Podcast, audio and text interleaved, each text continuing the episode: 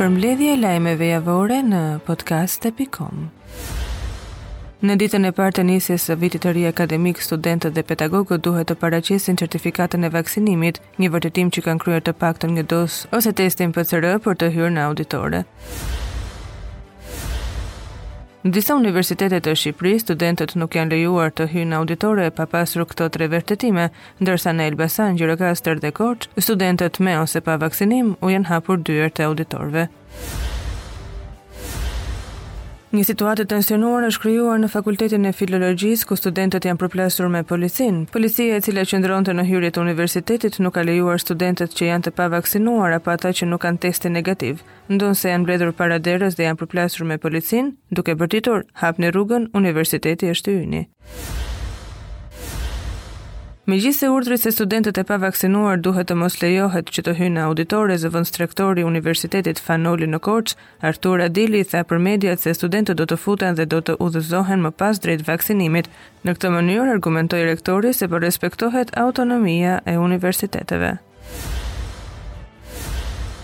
Dy të rinj kanë rënë në prangat e policisë pasi akuzohen se kanë qëlluar me armë në ajër. Bëhet me dije se në pranga ka rënë shtetasi me iniciale LÇ 23 vjeç dhe AD 24 vjeç, të dy banues në Shijak.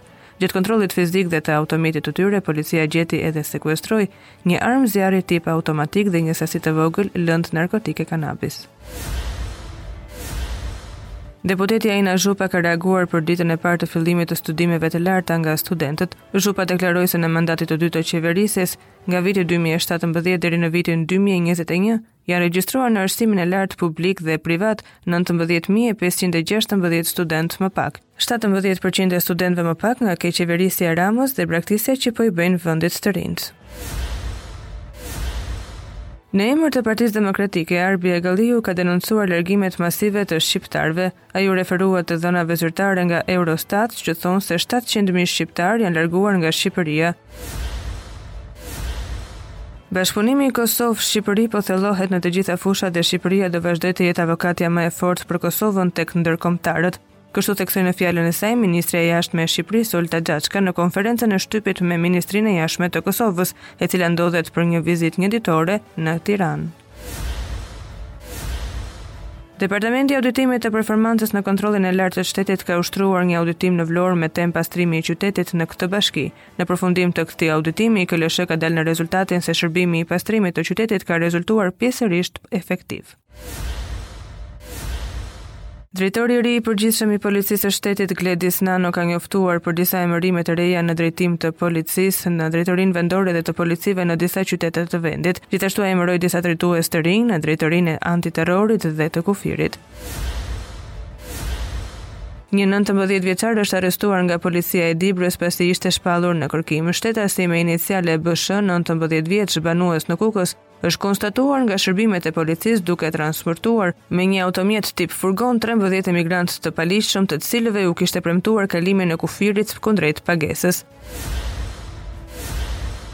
Si sot 18 vjet më parë, Papa Gjon Pali II lumturoi Nën Terezën e Kalkutës, proces që u finalizua me shenjtërimin e saj nga Vatikani më 4 shtator të vitit 2016. Në maj të vitit 2011 është mbajtur ceremonia e shenjtë e lumturimit të Nën Terezës në Vatikan. Ajo shihet si simbol i ndihmës dhe respektit për më të varfrit e të varfërve, e cila e kushtoi gjithë jetën është publikuar progres raporti i Këshillit Evropian për integrimin e Shqipërisë në BE. Komisioneri Evropian për Zgjerimin, Oliver Varheli, autori i paketës së zgjerimit ka prezantuar sot rezultatet e këtij progres raporti, Mes të tjerash ai theksoi se Shqipëria ka rezultate të prekshme në reforma si dhe në luftën kundër krimit.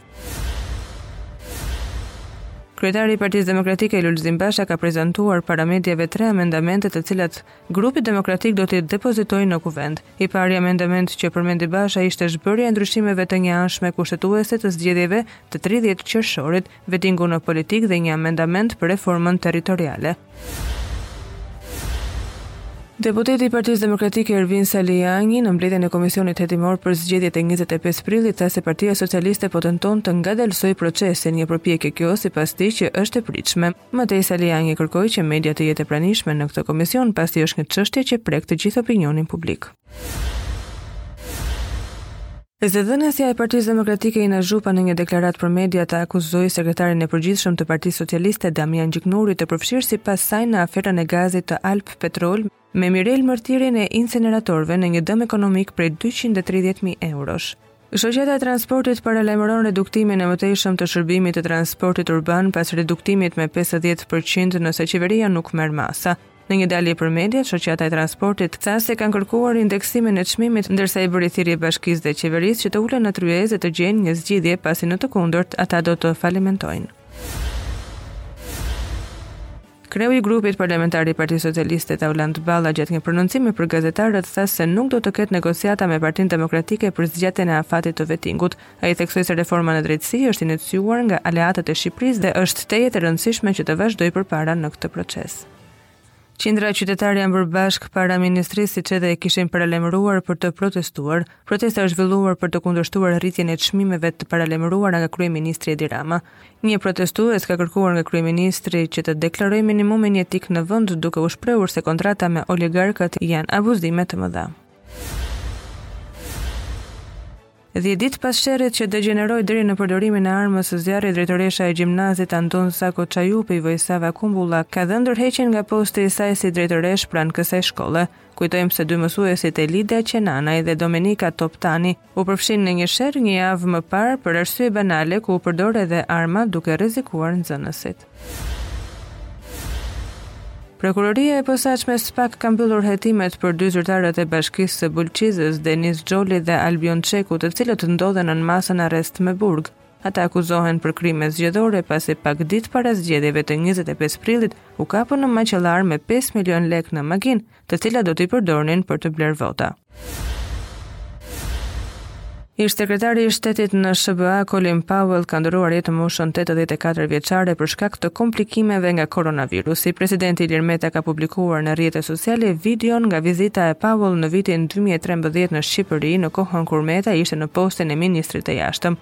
Presidenti shprehet se Colin Powell ishte një mik i jashtëzakonshëm dhe i paçmuar, Gjithmonë mbështetës për anëtarësimin e Shqipërisë në NATO dhe pavarësisë së Kosovës. Kreu i Partisë Demokratike Lulzim Basha tha në një konferencë me gazetarët se Partia Demokratike sapo ka depozituar në Kuvend amendamentet kushtetuese.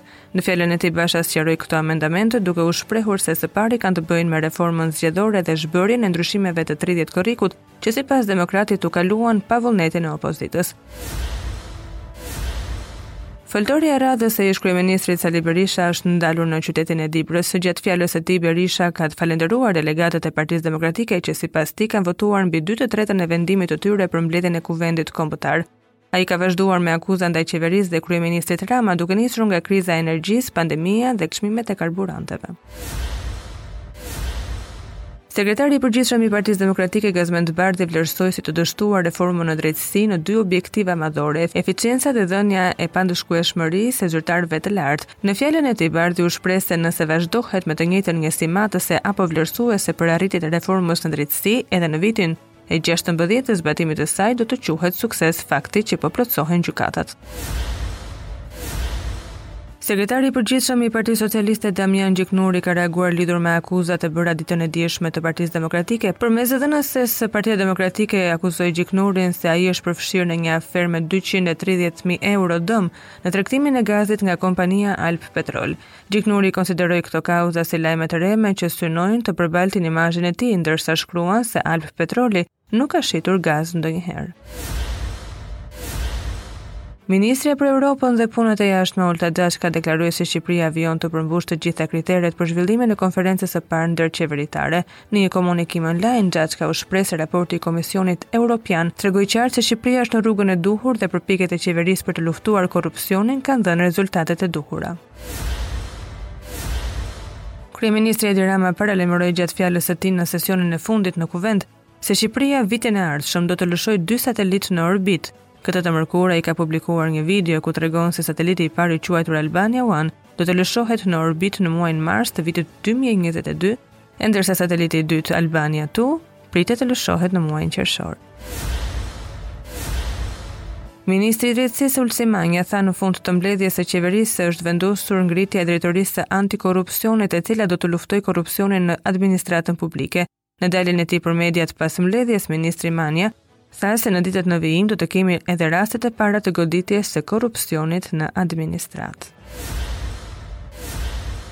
Kryetari i grupit parlamentar i Partisë Socialiste Taulant Balla mori pjesë në mbledhjen e Këshillit Kombëtar të Integrimit Europian. Në fjalën e tij, Balla u shpreh se pas progres raportit të Këshillit Europian tani është radha e Bashkimit Europian të mbajë fjalën për procesin e anëtarësimit të vendit tonë. Ambasadori i Bashkimit Europian në Tiranë, Luigi Soreca ripërsëriti se Komisioni Europian ka përpiluar një raport pozitiv për Shqipërinë duke treguar se vendi ka përmbushur të gjitha kushtet për mbajtjen e konferencës së parë ndërqeveritare. Sipas Sorecës, duhet të priten të dhënat e hetimeve për pretendimet mbi manipulimin e votave.